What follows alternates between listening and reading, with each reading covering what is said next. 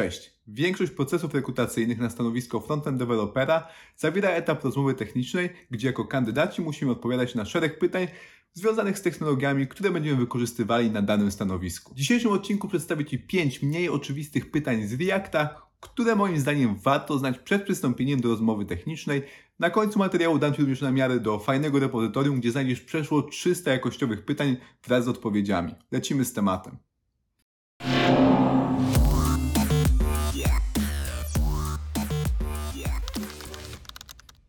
Uprzedzając dyskusję, która pewnie wybuchnie w komentarzach, chciałbym się ustosunkować do samych rozmów technicznych, które mają miejsce w ramach procesów rekrutacyjnych na stanowisko programisty. Wielu programistów takie rozmowy krytykuje, uważa, że to jest strata czasu, że one są trochę bez sensu. No ja mogę powiedzieć tak. Każdy sposób weryfikacji wiedzy umiejętności w tak małej ilości czasu, jakim mamy dostępny podczas rekrutacji, siłą rzeczy będzie miał swoje wady. Oczywiście zgadzam się z tym, że sposób elokwentnej wypowiedzi na jakiś temat nie zawsze idzie w parze z dogłębnym, a często w ogóle jakimkolwiek doświadczeniem e, w danej materii gdzieś tam w praktyce.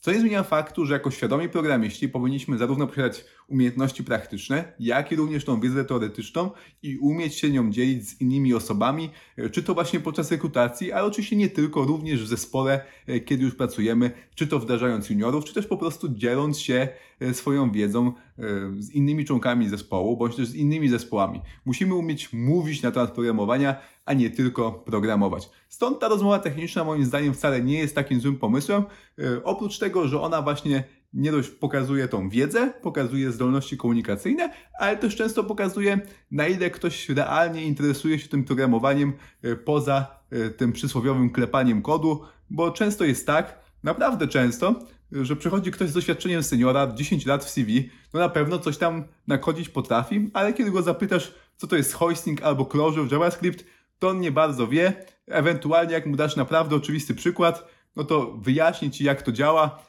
ale nadal nie będzie w stanie ubrać tego w słowa. E, tutaj na tym kanale chciałbym, e, aby widzowie nie byli w takiej sytuacji, ale po prostu nie robili sobie obciachu na rozmowach kwalifikacyjnych. Stąd zachęcam również e, do poszerzania tej wiedzy teoretycznej. A teraz pięć pytań z Reacta, na które moim zdaniem warto znać odpowiedź. Pytanie pierwsze, czym jest i jak działa algorytm różnicujący w Reakcie? Aby udzielić w pełni świadomej odpowiedzi na to pytanie, no to na początku musimy wiedzieć, czym jest Virtual DOM. Jeżeli tego nie wiesz, no to pierw odrób to zadanie domowe, a teraz przejdźmy sobie do tego algorytmu różnicującego, bądź też po angielsku diffing algorithm.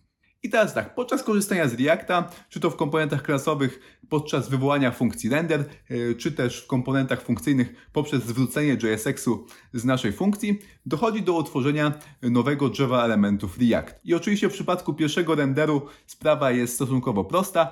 E, React po prostu te elementy nam e, gdzieś tam w przeglądarce wyświetli. Tym niemniej potem oczywiście będą nadchodziły kolejne rendery, czy to wywołane przez zmiany w propsach, czy to też zmiany w stanie. No i sytuacja zaczyna się komplikować. Mamy nowe drzewo elementów yy, zrzucone po prostu podczas kolejnego renderu.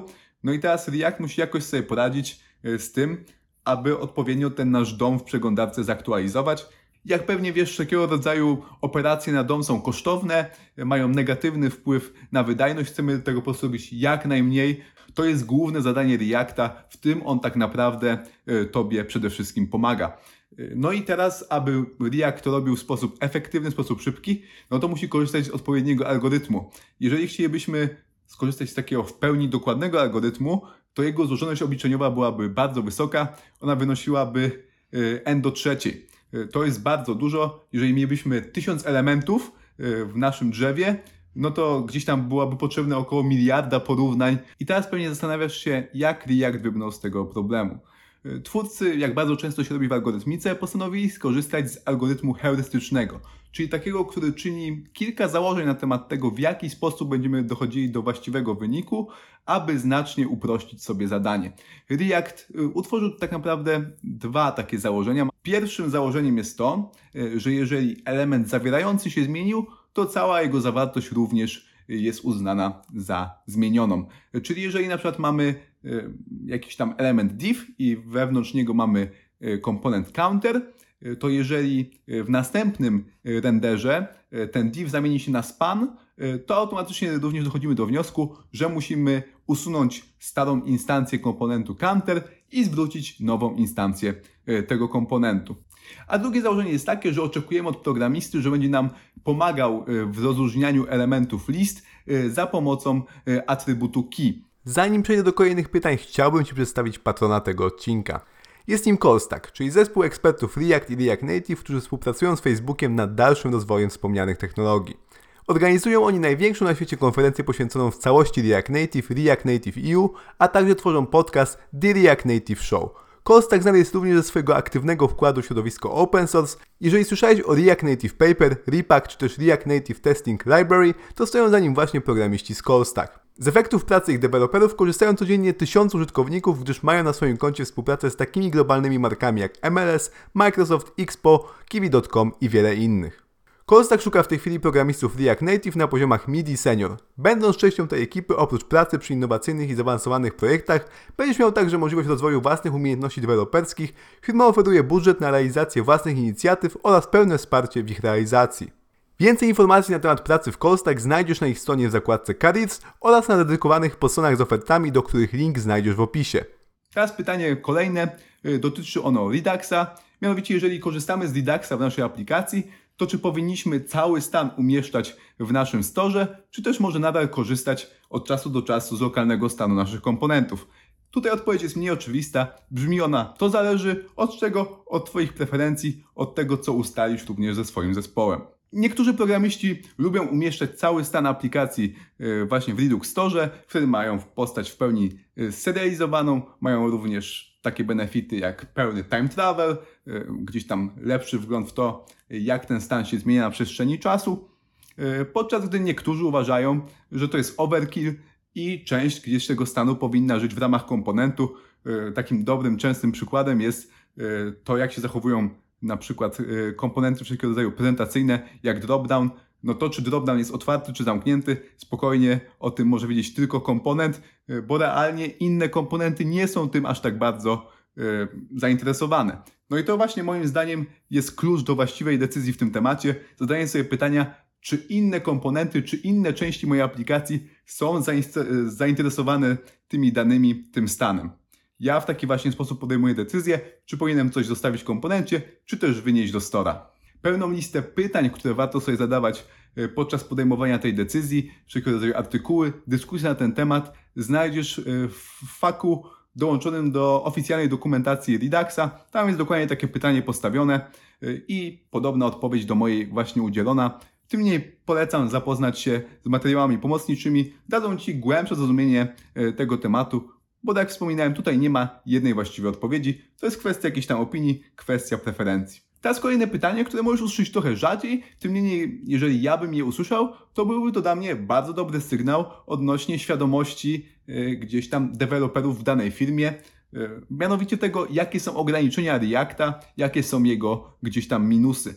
Bardzo często, jeżeli korzystamy z jakiejś technologii, to jesteśmy jej wielkimi fanami, nie widzimy ich wad, więc jeżeli ktoś gdzieś tam React dewelopera szuka, a mimo to jest świadomy tego, że ta technologia nie jest idealna, no to dla mnie to jest super sygnał o świadomości firmy, o świadomości osób, które gdzieś tam podejmują te kluczowe decyzje. Przede wszystkim minusem Reacta, co często jest gdzieś tam zamiatane pod dywan, jest to, że to jest biblioteka, a nie pełnoprawny framework i to za sobą niesie kilka istotnych ograniczeń i problemów. Mianowicie, przez to, że to jest tylko biblioteka, to nie mamy jakichś ogólnie ustalonych wzorców, dobrych praktyk. Wszyscy tak naprawdę robią to trochę po swojemu. Od projektu do projektu zauważysz duże różnice związane z dużą ilością bibliotek, jakie mamy do wyboru, aby rozwiązywać te najczęściej występujące problemy, które w pełnym, pełnoprawnym frameworku byłyby już po prostu y, dla nas rozwiązane. Mam tu chociażby na myśli komunikację zapis, zarządzanie stanem, bądź też zarządzanie, radzenie sobie z formularzami. Tego w Reactie samym w sobie nie ma, musimy korzystać z dodatkowych narzędzi. Przez to mamy więcej decyzji do podjęcia, więcej okazji do pomyłki i też więcej rzeczy do nauki, bo cały czas pojawiają się nowe sposoby na rozwiązywanie tych najczęściej występujących problemów. Przez to nie dość, że początkujący na start mają dużo na głowie, e, no bo mamy dużo gdzieś tam możliwości, tak naprawdę nie wiemy w ogóle czego się uczyć. No i my, osoby, które już mają doświadczenie, to i tak musimy cały czas gdzieś tam na bieżąco trzymać rękę na pulsie, bo może pojawiło się the next big thing, z którego ja powinienem od tej pory korzystać. No i ogólnie rzecz biorąc, samo budowanie aplikacji w Reactie w sposób świadomy i umiejętny wcale nie jest takie proste. E, ogólnie architektura oparta o, komp o, komponenty nie jest taka oczywista. E, możemy tworzyć komponenty zbyt duże, no wtedy mamy dużą złożoność na przykład w template'ach.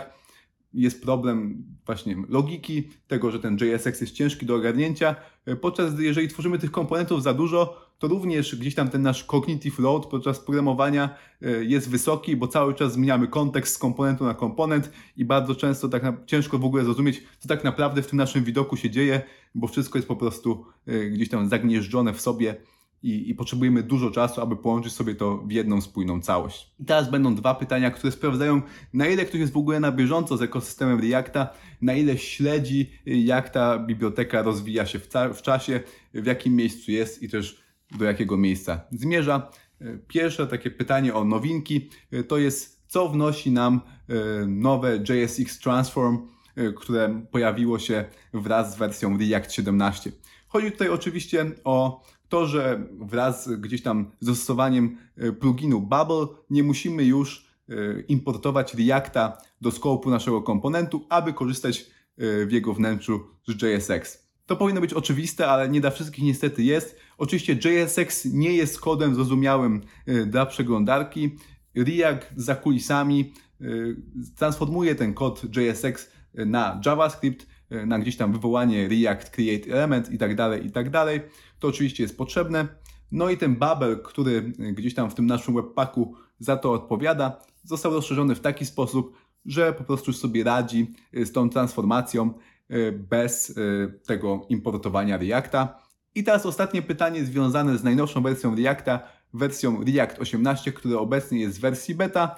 A pytanie to, czym jest Suspense Component? Suspense Component to komponent, który umożliwia nam y, właściwą obsługę stanu ładowania w naszej aplikacji. Jeżeli jakiś większy komponent y, w danej chwili ładuje się, y, potrzebujemy czasu, aby niezbędne dla niego dane zostały zaciągnięte z serwera, to za pomocą Suspense możemy w łatwy sposób obsłużyć ten stan ładowania, zapewnić fallback, czyli na przykład animację spinera, komponent spinera, który będzie w danym miejscu interfejsu na czas tego ładowania tegoż większego, złożonego komponentu, który w ostateczności chcemy wyświetlić.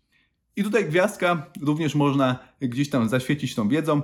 Y, Suspense komponent nie pojawił się w Reactie 18. On już był tak naprawdę dostępny od wersji 16, ale tam było to wsparcie niepełne. To był tak naprawdę feature eksperymentalny, który na przestrzeni czasu y, podlegał dość dużej ilości zmian. Obecnie został w jakimś tam stopniu, zwłaszcza za kulisami, przebudowany, aby działał w zgodzie z tym concurring rendering, e, który również jest jednym z głównych nowości Reacta 18. I teraz tak, te pytania oraz wiele innych, przeszło 300, znajdziesz w repozytorium, do którego link znajdziesz w opisie. Naprawdę fajnie przygotowane jest to repozytorium. Nie dość, że mamy e, rozsądne pytania, to również są zwięzłe odpowiedzi, aż się to wszystko prosi o otworzenie talii kart Anki, aby sobie tą wiedzę dobrze utrwalić i mieć po prostu rękę na pulsie. To są informacje, e, które na temat Reacta warto wiedzieć. Czym jest Anki, jak korzystać z tego programu, dowiesz się z dedykowanego odcinka, do którego link również zostawiam w opisie. I tak się składa, że tym repozytorium dzieliłem się już ze społecznością przeprogramowanych jakieś kilka tygodni temu za pośrednictwem przeprogramowanego newslettera. Więc jeżeli chcesz być na bieżąco e, z takimi nowinkami, które znajdę ja bądź Przemek, no to warto gdzieś tam do tego newslettera się zapisać. Przeprogramowanie.pl łamane na newsletter. Co piątek rano o 7 dostaniesz od nas 6 linków, 3 techniczne, 2 rozwojowe, jeden bonus, żeby właśnie mieć fajny początek weekendu, znaleźć coś dla siebie, aby cały czas gdzieś tam razem z nami się rozwijać. Dziękuję Ci za uwagę. Do usłyszenia w kolejnym odcinku. Pozdrawiam, Marcin Czarkowski.